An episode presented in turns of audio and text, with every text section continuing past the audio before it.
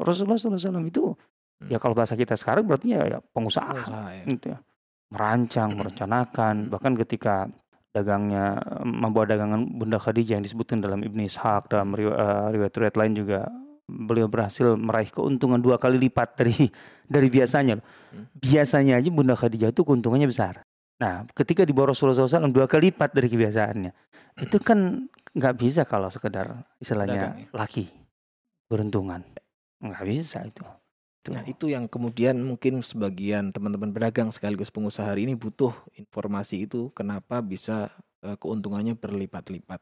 Apa sih pesan yang Nah. dibawa Rasulullah selain produknya saat ya? Karena kan pasti ada mungkin soal layanan, komunikasi, Ah. marketing segala macam. Nah itu ada dibahas nggak di buku-buku sirah?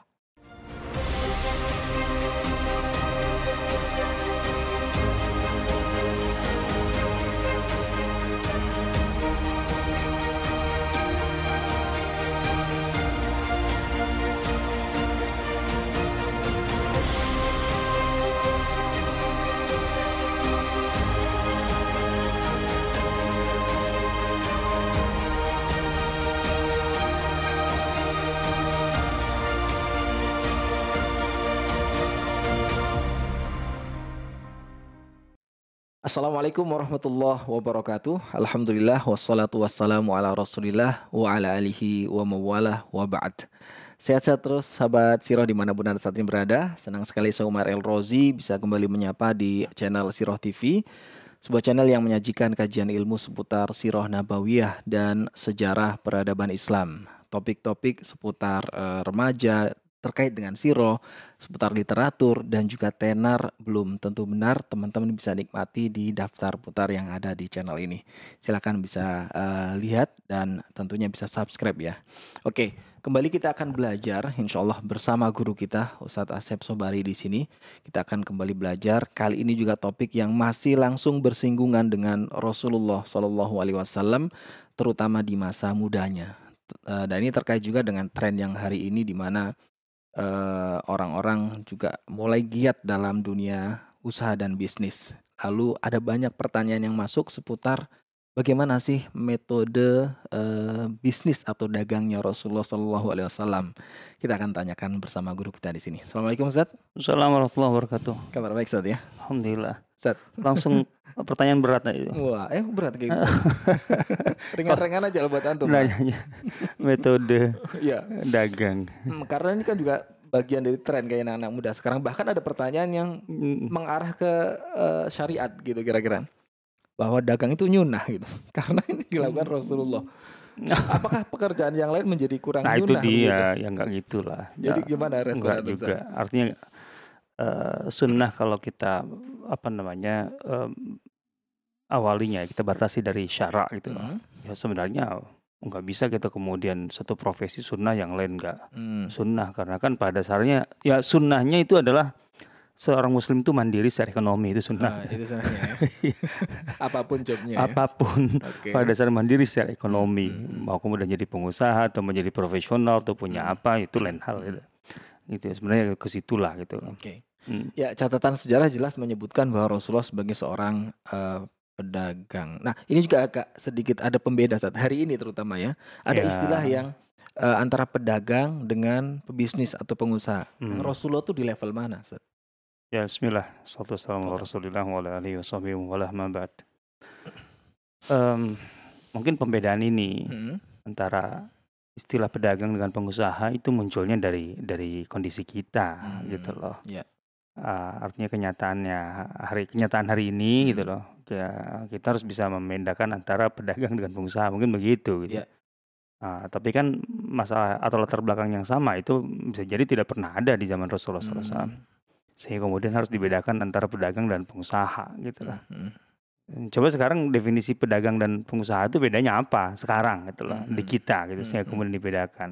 Hmm. Itu dulu gitu. Hmm. Hmm. Apa Mas Umar? Ya. Kalau sederhananya yang pernah kami ikut tuh kelas-kelas eh, bisnis tuh. Seringkali pedagang tuh orientasinya jualan. Jadi Hmm. dia orientasinya sekedar omset saja. Sementara pedagang atau berbisnis dia akan membangun sistem gitu ya. Oh. Kemudian tentu omset juga menjadi orientasi tapi tidak hanya sekedar itu. Dia ya mungkin tan- sistem nggak mungkin tanpa omset otomatis Benar, tapi lebih iya. dari sekedar omset lebih dari gitu loh. Makanya ada istilah juga hijrah dari pedagang ke pebisnis. Artinya ada level gitu saat. Di awal-awal mungkin orang masuk sebagai pedagang, tapi Hmm. seiring berjalannya waktu dia harus eh, hijrah Hmm. beralih menjadi seorang pebisnis yang bukan hanya dianya saja yang bekerja tapi sistemnya yang bekerja. Ah, ya pembedaan istilah ini mungkin ya karena dari terbelakang eh, realitas gitu ya di Benar. tengah dunia Hmm. usaha kita bahwa Hmm. ada yang hanya eh, dagang secara sporadis gitu aja, ada yang kemudian eh, merancang eh, apa namanya perdagangan itu lebih dari sekedar jualan gitu loh. Hmm. Saya rasa eh, masalah ini nggak ada di zaman Rasulullah SAW Hmm. gitu loh. Ya, istilah itu juga nggak dikenal. Ya, enggak hanya lah. sekedar tajir gitu aja. Atau Nah, terjemahnya ta- tajir bahasa Arab kan? Iya. Nggak bisa kemudian ke- tajir itu pengusaha atau pedagang ya nggak Hmm, bisa. gitu. hmm, hmm. Kalau apa kita kembali ke makna tajir itu eh, luas sekali Hmm. gitu ya. Eh, artinya nggak bisa dipaksakan. Ini sebenarnya tajir itu pengusaha atau pedagang Hmm. dalam istilah kita hari Iya, ini iya. gitu loh. Hmm. Kalau lihat konteksnya model perdagangan Rasulullah itu berarti masuk kategori mana Sat? Kalau hari Sekarang begini, eh, perdagangan Rasulullah SAW itu kan dimulai dari sejak sebelum beliau menjadi Rasul kan pada dasarnya ya. ini? Oke. Bahkan beliau menjadi aktif sebagai pedagang ya sebelum menjadi Rasul. gitu ya. hmm. Ini pun juga perlu kita jelaskan dulu. Hmm. Yang namanya Rasulullah SAW pedagang ataupun pengusaha gitu ya, Hmm. dengan istilah kita hari ini. Ya. Pedagang ataupun pengusaha. eh itu bukan sekedar bahwa beliau punya aktivitas transaksi gitu loh. Hmm. Pada masa itu yang namanya pedagang atau pengusaha itu dalam arti dia punya eh network, punya jangkauan Hmm, pasar yang oke, luas. ya. Kalau orang berdagang di artinya bertransaksi di pasar lokal itu Hmm. nggak disebut sebagai pedagang atau itu biasa aja itu. Hmm. Nggak artinya udah nggak masuk kategori bahkan sebagai gitu? pedagang. Iyalah. Sekarang gini kan. Rasulullah SAW eh, tetap menjadi pedagang setelah menjadi Rasul atau enggak? Ini, ini yang yang yang yang apa namanya? hmm, yang beredar atau yang Hmm. umumnya gitu loh kita Diketahui kenal teman-teman kita. Ah, Hmm. Rasulullah menjadi pedagang nggak setelah menjadi nabi? Eh, enggak Sat ya. Nah kan? Tapi Gitu kan? transaksinya masih tetap Nah itu dia salahnya. Hmm. Beliau Beliau tidak menjual dan membeli juga masih. masih. Artinya beliau ada ada riwayat Ibnu Abbas yang yang, yang Hmm. jelas itu dan eh, sangat eh, kuat kemungkinannya di Madinah Hmm, jelas hmm. gitu. Rasulullah SAW itu eh, ke pasar di Madinah gitu loh. Kemudian Hmm. Menjual barang transaksi ya ya yang jelas ada keuntungan. Hmm. Keuntungan itu kemudian dibagikan kepada apa namanya eh, janda-janda Hmm. Bani Abdul Muthalib. Itu riwayat Ibnu Abbas. Jadi kan ini bukan sekedar beli sesuatu dan dibagi eh, untung dan dibagi-bagi. Hmm. Jadi kalau di pasar lokal mah ada. Karena pada dasarnya emangnya haram transaksi setelah menjadi nabi kan enggak. Hmm. Tapi beliau memang tidak menjadi pedagang sebagaimana atau pengusaha lah terserah lah mau pedagang atau pengusaha sebagaimana umumnya para pengusaha dan pedagang pada saat itu. Hmm. Yang mana kalau berdagang itu artinya dia harus keluar dari kota Mekah sebelum Islam ya. Hmm. harus keluar kota Mekah dan menjelajah eh, kawasan yang begitu luas dengan apa namanya target pasar-pasar yang eh, banyak sampai Hmm. di luar negeri Hmm. gitu loh Dan itu dengan satu istilah saja, tajir itu tadi. ya itu Atau- tijarah Hmm. gitu loh Hmm. aktivitas itu tijarah Ya.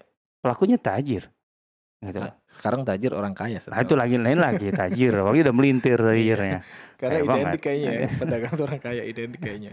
Ya kalau orang berdagang nggak kaya ngapain? Waduh. Rugi lah, Iya. waktunya habis nggak dagang nggak kaya juga. Cuan, cuan terus ya. harus kalau dagangnya harus Iya. untung. Sat, ada pertanyaan yang banyak di beberapa termasuk di Ah. postingan media sosial kita ya. Hmm. Orang tuh kayak pengen menggali bagaimana metode dakwahnya dakwahnya apa maaf Hmm. metode dagangnya Rasulullah. Lebih menggali bagaimana cara beliau bertransaksi untuk kita bisa praktekkan hari Teknis maksudnya ya. ini. Benar. Saya rasa eh, pertama itu tidak mudah Hmm. karena memang eh, katakanlah kita membutuhkan riwayat-riwayat yang detail tentang cara Rasulullah SAW berdagang, Hmm. bertransaksi. Itu tidak mudah, kalaupun ada sedikit sekali. Hmm. Artinya tidak akan memberikan gambaran yang utuh juga tentang Ya, itu. Tapi juga selain itu, kan transaksi itu eh, dan lain sebagainya juga terkait dengan kondisi lapangannya kan. Oh, yang iya, bisa iya. jadi berbeda, bukan bisa jadi perbedaannya berbeda ya? lu- luas Iya, sekali iya. dengan kita hari ini Hmm. gitu ya. Maka sebenarnya di situ ada ada etik etikanya gitu Hmm. atau ada kode etiknya, kemudian ada katakanlah yang sifatnya filosofinya gitu. Hmm. Kaidah-kaidahnya menurut saya itu Hmm. lebih penting Iya. sehingga kemudian Value bisa yang harus- diterapkan Iya, value yang harus dibawa sampai hari ini, ya. gitu loh. Hmm. Saya rasa sisi sisi universalnya itu yang Iya. yang yang lebih lebih penting dan lebih mudah untuk kita dapatkan ketimbang Hmm. teknisnya gitu loh, Oke. yang Nah, kalau itu ada detailnya. catatan sejarahnya Zat. Banyak kalau itu Oke. mah, banyak Nah, gitu itu ya. Kita penting ya Zat buat Ya, para pebisnis hari ini. eh saya mungkin boleh eh, menambahkan tadi sedikit tentang penasaran masalah istilah pengusaha dengan pedagang yang sekarang dipisah itu loh. saya katakan begini, bahwa kalau kita baca perdagangan eh, Quraisy aja sebelum Islam saja ya, Hmm. gitu. Yang itu tentu saja Rasulullah SAW kan pernah menjadi bagian dari itu sebelum menjadi nabi kan. Hmm.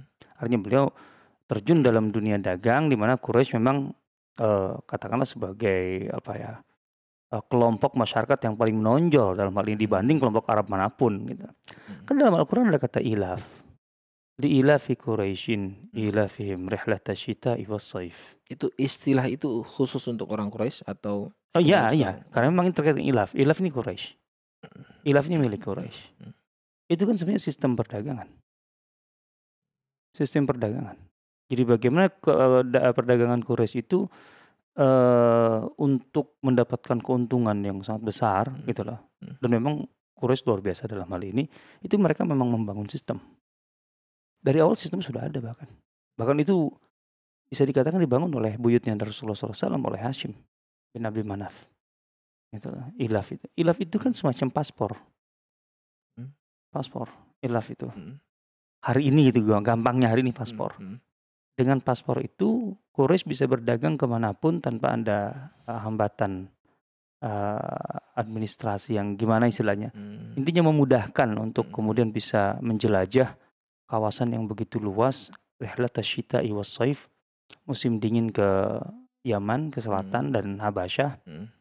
eh, Afrika. Hmm. Musim panas itu ke eh, Syam, gitu, ke utara dan bukan hanya sebenarnya dalam kenyataannya bukan hanya Syam atau terbatas di wilayah geografis Syam dan Yaman, enggak. Pedagang-pedagang Quraisy itu ke selatan tuh sampai ke Yaman kok, eh sampai ke Afrika kok Habasyah. Mereka pemain ini ya ekspor import gitu. Iya bahasa kita sekarang Hmm. ekspor impor, gitu loh. Kemudian eh, tapi ekspor bukan ekspor impor juga sih karena mereka tidak eh, apa namanya tidak punya produksi sebenarnya, tidak punya Hmm. produk. Ya, oke. gitu mereka lebih ke apa namanya menjadi pedagang apa namanya perantara gitu gitu ya. Distributor. distributor gitu loh distributor untuk eh, komoditas antar negara atau barang-barang antar negara Jadi bukan produk lokal Mekah. hampir nggak ada produk Mekah yang terkenal cuman kerajinan dari kulit aja itu pun juga eh, lebih banyak diproduksi di di Taif tidak di Mekahnya Hmm. Gitu cuman terkenal dengan itu karena kurang lebih lah Taif Mekah bagi orang luar itu satu gitu loh Hmm. Jadi produk to- Mekah ataupun Taif ya lebih kurang dan orang-orangnya gitu juga. Ya memang eh, investor-investor di Taif juga banyak orang Mekah Hmm. kan gitu loh. Nah, tapi yang jelas bahwa ilaf itu mereka bisa berdagang ke selatan Yaman sama ke Afrika, ke Habasyah. Hmm. Itu, dan itu riwayatnya banyak sekali. Dan di antara alasan hijrah ke Habasyah itu kan karena hubungan network da- dagang, net- network dagang Hmm. para pedagang gitu ya. Eh, Ibnu eh, Ibnu Jarir At-Tabari dalam kitabnya menjelaskan bahwa salah satu alasan hijrah ke Habasyah itu karena memang Habasyah sudah menjadi tujuan dagang yang sangat eh, penting bagi Mekah. Artinya sudah terbiasa networknya Hmm, sudah hmm. kuat gitu. Dan hubungannya langsung dengan raja saat ya, komunikasi segala Eh, macam. yang nggak langsung juga, nggak langsung sebenarnya Hmm. gitu antar pedagang. Oke. Tapi kan eh, siapa sih yang di samping raja itu dasarnya? Hmm. Di mana-mana juga sampai hari penguasa kan pastilah di sampingnya pengusaha. Nah ke Syam, ke Syam itu bukan hanya ke Syam loh. Mereka sampai ke Mesir, gitu loh. Mereka biasa ke Mesir kok. Kemudian mereka sampai ke apa namanya, eh bahkan ke Persia. Undang-undang Quraisy itu. Tapi ini yang penting di sini adalah ilafnya gitu. Mereka punya paspor yang sakti, gitu loh.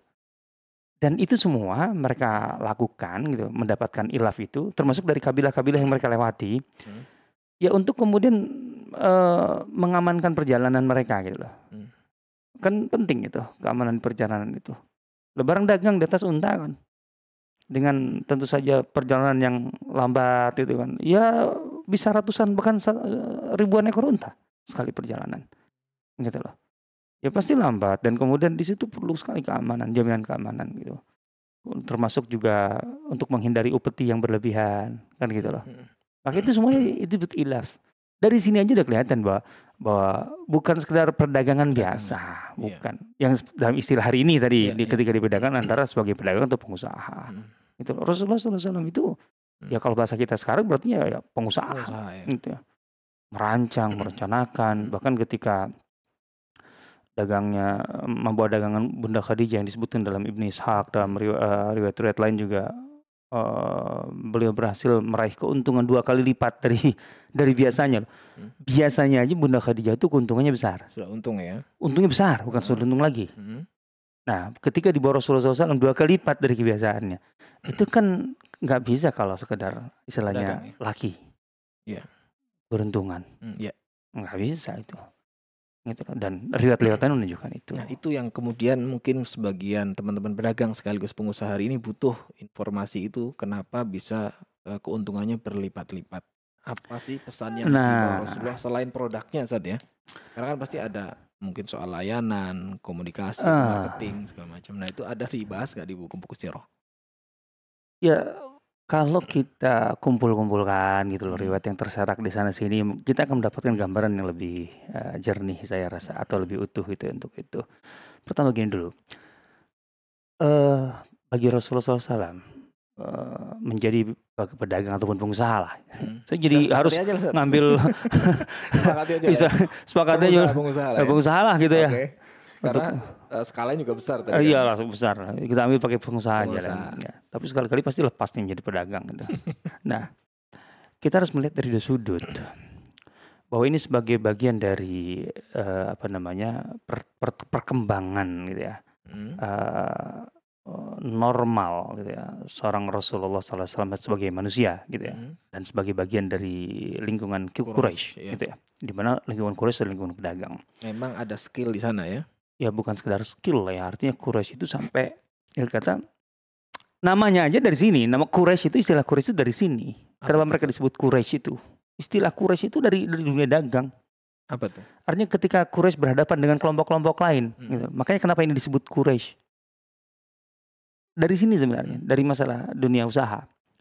Ya kata Ibnu Abbas kita ambil eh, definisi Ibnu Abbas itu. Quraisy itu dari, dari kata eh, apa namanya kirsh Yang artinya yang artinya itu dabatun ali, eh, fil bahri azimah ta'kul wala tukal. Itu eh, ikan yang sangat besar.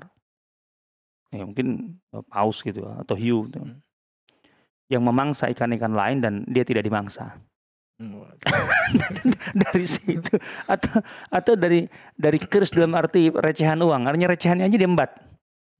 Apa itu gede? Jadi DNA-nya orang Quraisy itu memang udah Memang pedagang ya? dagang, pedagang, pedagang, gitu loh. Uh, dan perdagangannya kemudian dari perdagangan lokal kemudian menjadi perdagangan global gitu lah uh, Quraisy itu. Mm-mm. Ya Hashim lah yang membawa perdagangan Quraisy ke level global gitu ya dengan ilafnya itu.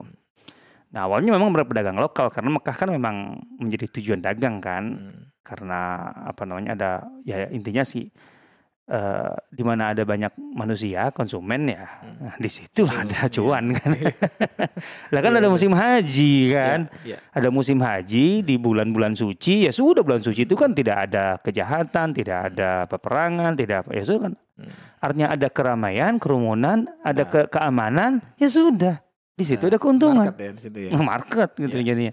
Nah Rasulullah itu kan dari lingkungan ini gitu loh. Ini satu sisi yang harus kita uh, pertimbangkan ketika bicara bahwa Rasulullah SAW menjadi pengusaha, pedagang atau pengusaha. Hmm. gitu ya.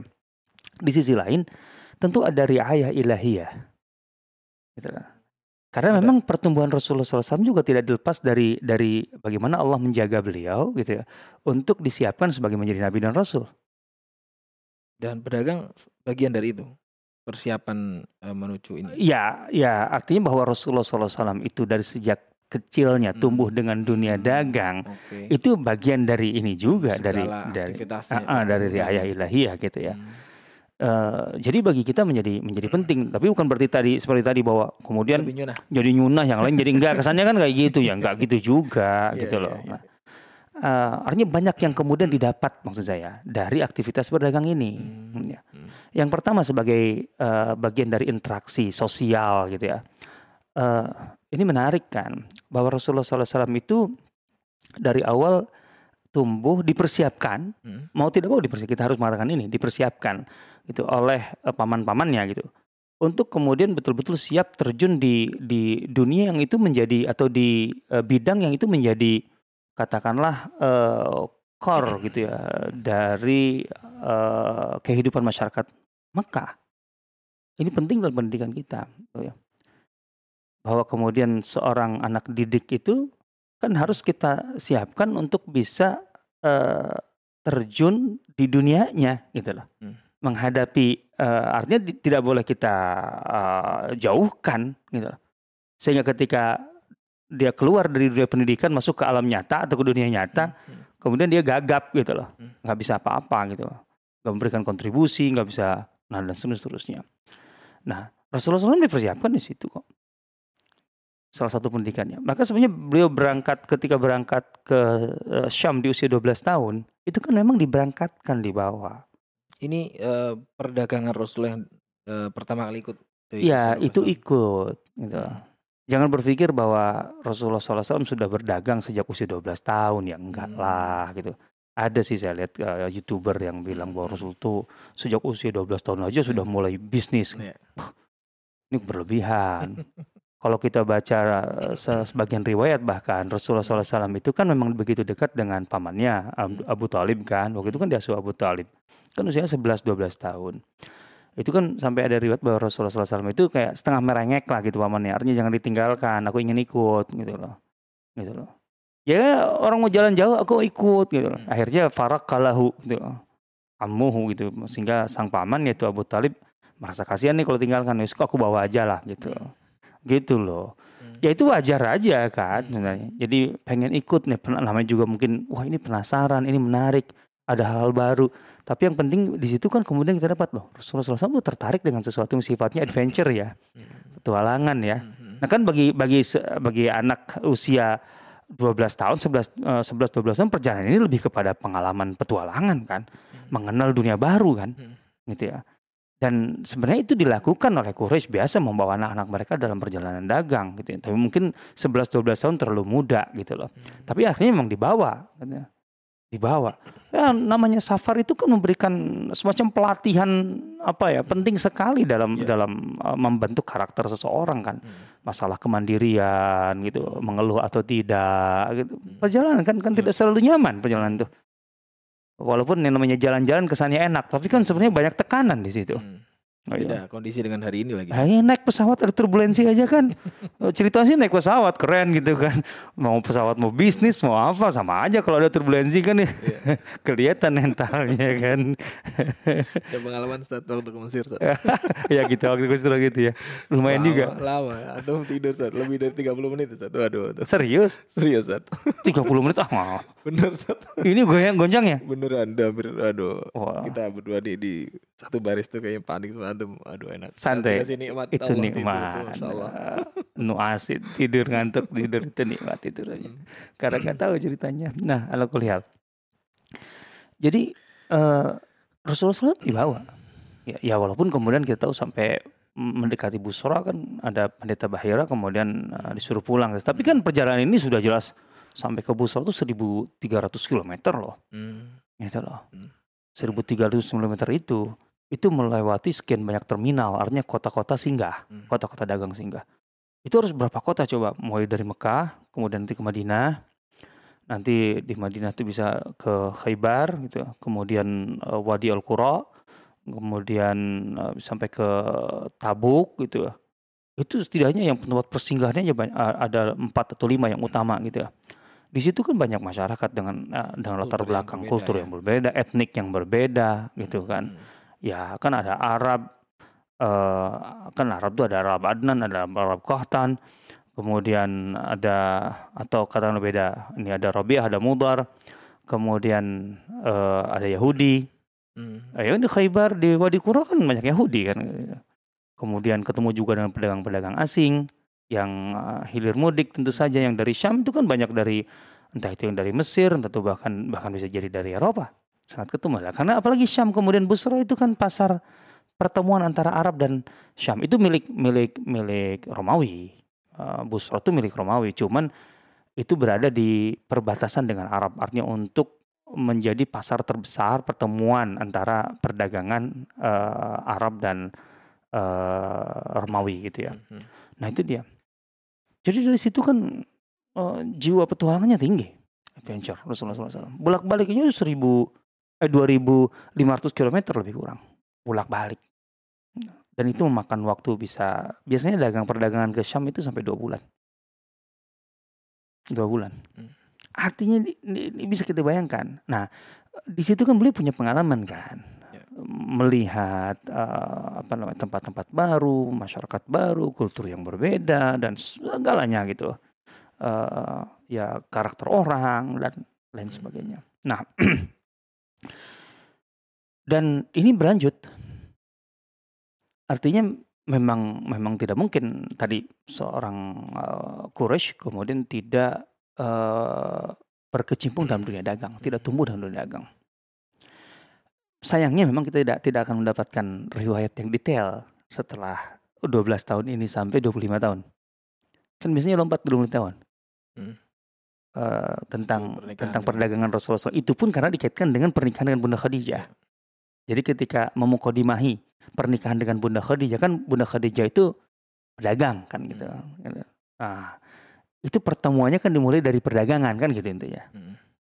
Bahwa Bunda Khadijah mempercayakan barang-barang dagangannya kepada Rasulullah SAW kan, gitu loh. Dan kemudian ini biasanya kalau dalam buku-buku sirah yang singkat kan cuma gitu aja. Hmm. Uh, bahwa Rasulullah SAW di usia 25 tahun artinya sebelum menikah yeah. dengan Bunda Khadijah dan kenapa hmm. dengan Bunda Khadijah karena memang terhubung gitu loh melalui perdagangan ini membawa barang dagangan Khadijah ke, ke Busro. Setelah itu pulang nikah ini kan kesannya dari riwayat ini bahwa Rasulullah SAW itu hanya sekali saja membawa barang dengan Bunda Khadijah itu ke Busra. Padahal riwayat lain banyak dalam riwayat uh, apa namanya um, Mustadrak Al Hakim kemudian uh, Musnad Abdul Razak dan Musnad Imam Ahmad itu membawa barang dengan Khadijah Bunda Khadijah itu. Gitu. Selain ke Busra ada ke Hubasyah. Hmm. Hubasyah itu pasarnya Taima, uh, oh sorry, uh, pasarnya Tihama. Pasar Tihama. Tihama itu kawasan uh, apa namanya kawasan uh, barat Jazirah Arab yang uh, apa namanya dalam hal ini lebih ke arah Yaman, gitu ya. Nah itu pasar pasar induknya, pasar induknya Tihama itu ya Hubasha. Bukan Habasha, Habasha Afrika, lain lagi. Yang ada riwayatnya loh ke Hubasha.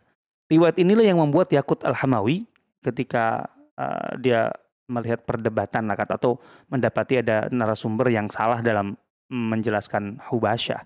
Dia pikir Habasyah, bla bla bla bla dan kekeringan di situ itu yang menginspirasi Yakut Hamawi untuk melahirkan kitabnya Mu'jamul Buldan, ensiklopedia tentang negeri-negeri itu. ini Habasyah ini gitu. Dari satu dari satu masalah jadi satu buku yang sampai sekarang jadi rujukan. Dan dan itu otomatis Yakut Hamawi bukan hanya ada uh, apa namanya uh, studi literatur ya, hmm. juga melakukan perjalanan hmm. langsung di lapangan. Hobasyah. Dalam riwayat lain juga ada ke uh, Jurosh. Jurosh yang di Yaman, bukan Jurosh yang di Syam. Gitu. Jurosh yang di Yaman. Uh, sekarang sih bagian dari Saudi Arabia gitu ya di dekat Khamis Musyaid lah gitu ya daerah situ ya di ke arah Yaman ini jelas ke selatan kemudian Rasulullah SAW juga berdagang ke uh, ke daerah timur ke Bahrain itu masih barang dagangan Khadijah. Sir. Nah, kalau yang ke Juros iya. Hmm. Dalam riwayatnya iya. Ini hubungannya tuh Nabi sebagai mitra atau nah, maaf pekerja gitu atau pekerja. Hmm. Artinya di situ bahkan dalam riwayat disebutkan bahwa ke, ya? ke ke apa namanya ke Juros itu uh, marotain dua kali itu loh. Hmm. Masing-masing mendapatkan upahnya itu uh, apa sih Subhanallah kalau nggak salah kalmus gitu. Kalmus itu unta. Hmm unta muda.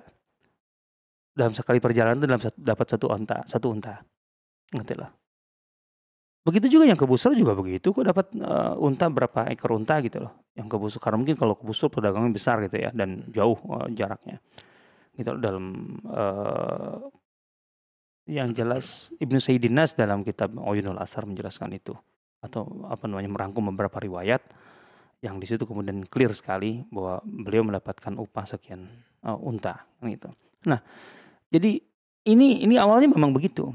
Baru kemudian Rasulullah SAW punya modal setelah itu. Kemungkinan setelah menikah dengan Bunda Khadijah dan kemudian setelah sekian lama, artinya sampai 25 tahun Rasulullah SAW itu belum belum belum berdagang dalam arti dengan modal sendiri, Hmm. belum punya.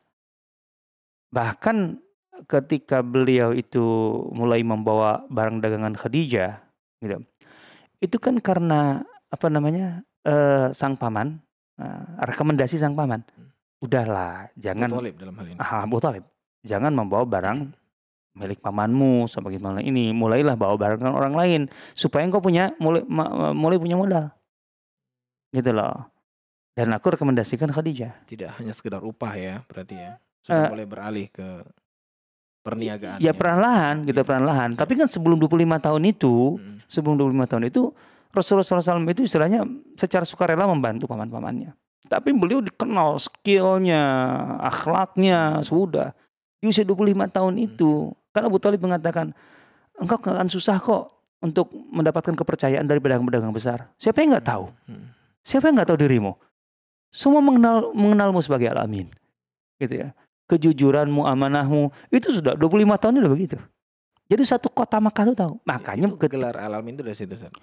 artinya saya menduga bahwa Rasulullah SAW disebut Al-Amin itu dijuluki Al-Amin itu dari sejak usia di bawah 25 tahun sudah dikenal sebagai Al-Amin jangan lupa di pelajaran kita sebelumnya bahwa Rasulullah SAW di usia remaja sudah jadi tokoh muda kan Hmm. melalui Hilful Fudul Oh, Iya kan Hmm.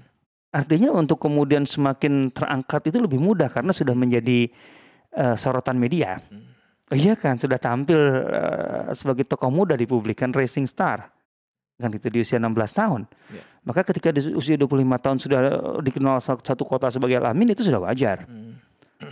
Karena memang ada muamalah di lapangan yang semuanya bisa dengan mudah gitu eh, menguji gitu loh Hmm. atau teruji walaupun teruji Transparan juga ya. sangat transparan Iya. perdagangan gimana nggak transparan Ya, artinya eh, bahwa ketika butuh investor tuh nggak kesulitan ya karena eh, Al-Amin tadi terpercaya. ya. iya Cuma dalam perdagangan kan perniagaan ya.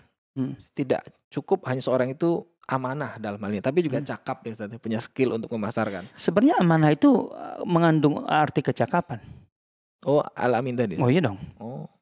kan ketika orang diberi kepercayaan Hmm.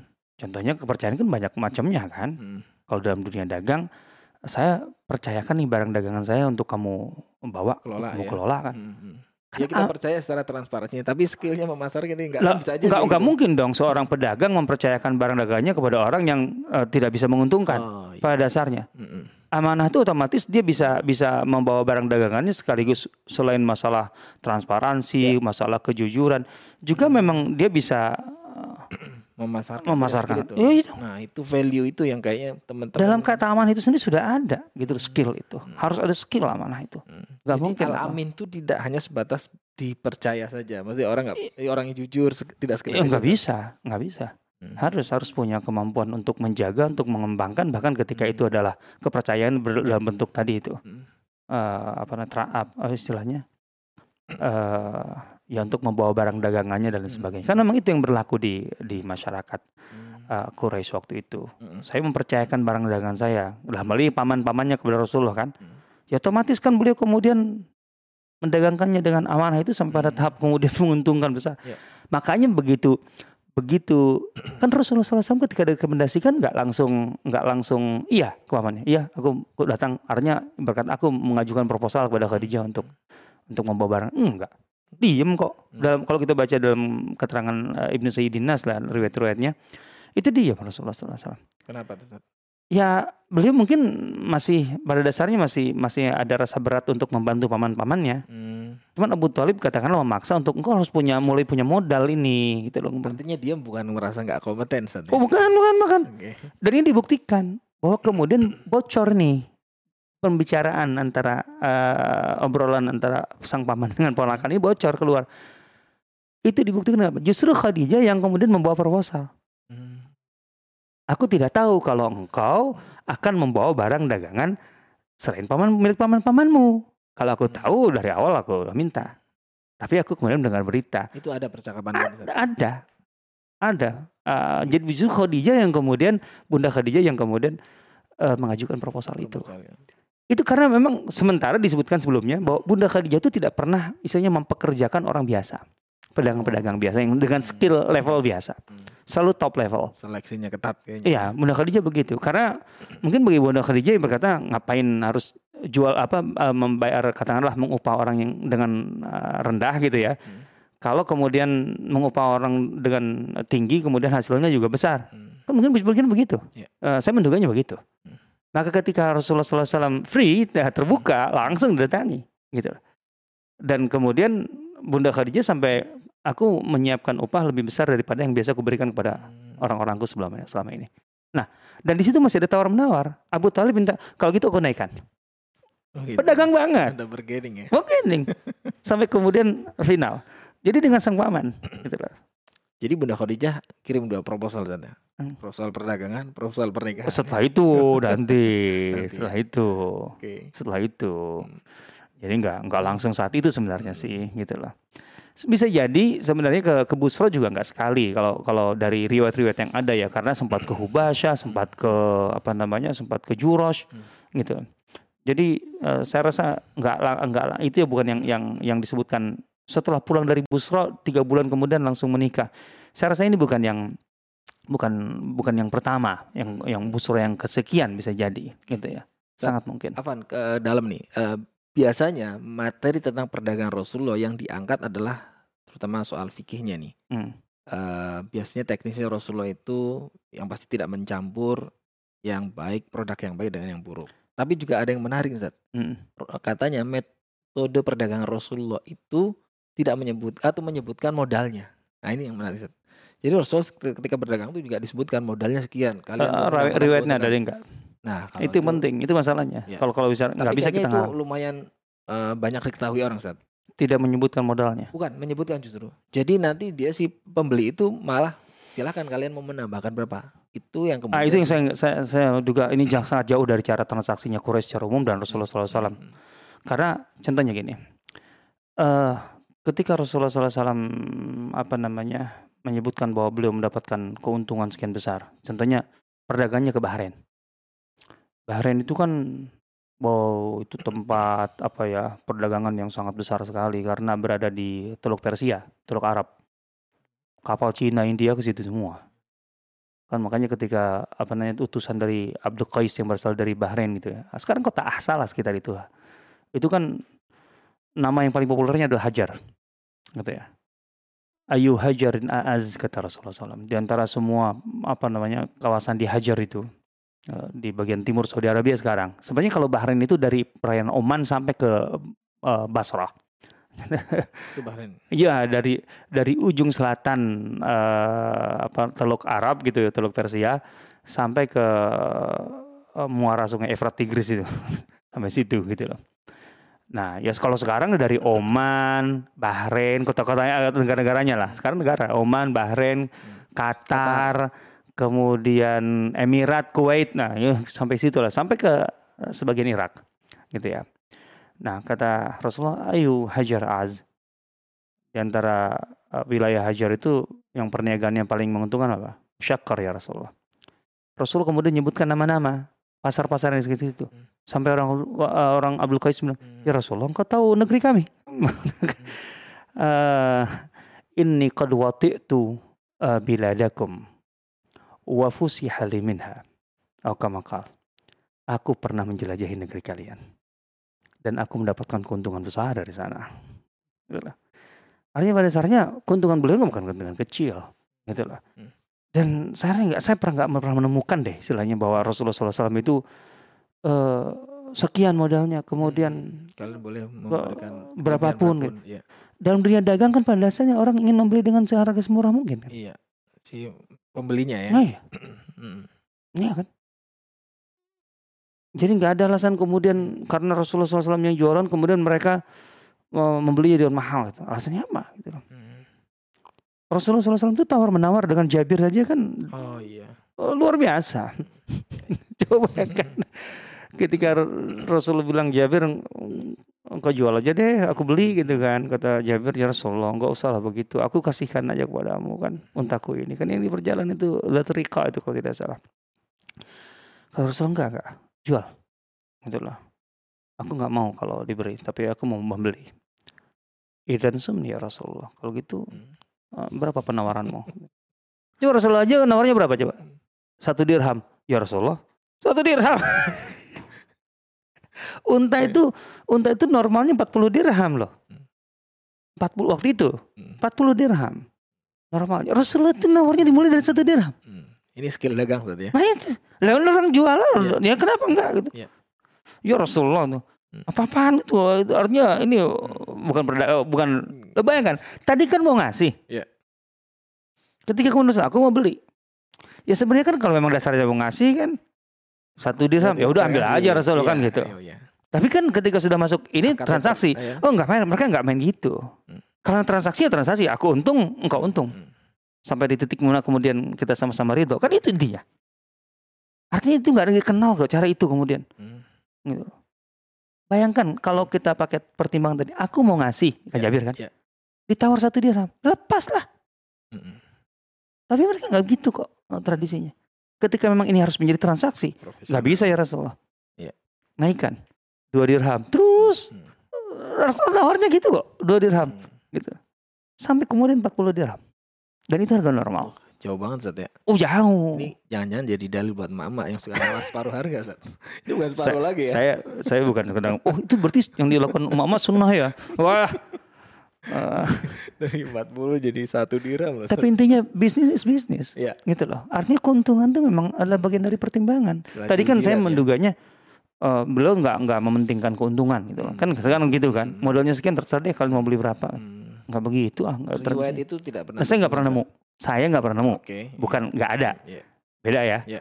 Artinya kalau ada silahkan tulis di apa komentar, namanya di komentar gitu. Saya juga senang kalau ada mah gitu. gitu. Tapi ya, Sumbernya yang valid ya. ya ya bukan secara sumber bahkan saya belum pernah menemukan secara pribadi gitu loh. Iya teman-teman kalau menuliskan Hmm. disebutkan juga Di sini sumbernya. ada buku ini bab eh, perdagangan Nabi SAW yang cukup lengkap dibanding kita kita blind karena ini buku terbaru nih baru Dan di situ pun antum belum nggak ada itu. nggak ada. Oke. Gitu loh. Jadi eh, Rasulullah itu berdagang sampai atau berbisnis tadi sampai kapan? Sampai diangkat menjadi nabi Ya atau sampai apa? sebelum menjadi nabi intinya Hmm. beliau itu masih apa namanya berdagang dalam arti seperti pedagang-pedagang besar pada Hmm. dasarnya artinya ke menjelajah daya ke wilayah-wilayah makanya kan ketika Rasulullah SAW menjadi Rasul gitu kan eh, salah satu poin itu yang di yang ditekankan oleh eh, tokoh-tokoh Quraisy yang apa namanya menolak itu gitu. kalau memang ya Nabi kenapa eh, yamshi fil aswaq Hmm. Kenapa harus menjelajah Iya, pasar seperti kami? Oh, gitu. Kan ada Tuhannya langsung. Apa nggak dibuatkan aja langsung taman, air terjun dan sebagainya kan gitu. Eh kan jannat eh, tidakkah kemudian Tuhannya atau tidak langsung meminta ke Tuhan dan diberi gitu taman-taman yang indah dan air mancur atau air terjun dan lain sebagainya. Ngapain harus kayak kami? Ya kulut ta'am wa yamshi fil aswaq. Melihat Rasul gitu kan. Loh, ngane- artinya kan itu eh, karena masa lalu mereka yang mereka tahu bersih Rasulullah SAW melakukan itu. Nah, setelah menjadi nabi memang pertama itu tidak memungkinkan waktunya, kan waktunya berbulan-bulan, itu yang jelasnya. Yang kedua lah itu berbahaya karena nanti ya, orang akan eh, melihat bahwa ini untuk apa namanya untuk eh, apa istilahnya mengangkat gitu ya, reputasinya sebagai pedagang dan kemudian untuk bisa mendapatkan kemudahan-kemudahan gitu dengan adanya pengikut bla bla bla lah kan. Hmm. sebagaimana para pengusaha Quraisy lainnya dengan memperbanyak jaringan memperbanyak orang-orang yang dekat aliansi dan sebagainya untuk memudahkan itu. Gitu kan. Makanya Rasulullah SAW betul murni dalam ini. Tapi bukan berarti nggak nggak bertransaksi di pasar-pasar yang kecil-kecil yang di yang lokal istilah itu mah, mah beliau lakukan kok di Madinah dari riwayat Ibnu Abbas tadi Itu setelah diangkat sebagai nabi, beliau berhenti atau di eh, dikelola sama orang lain? Sangat mungkin sangat mungkin dikelola orang lain juga karena mungkin asetnya ada kan gitu ya Hmm. kan nggak otomatis eh, kemudian asetnya terus dibukukan gitu kan enggak Iya.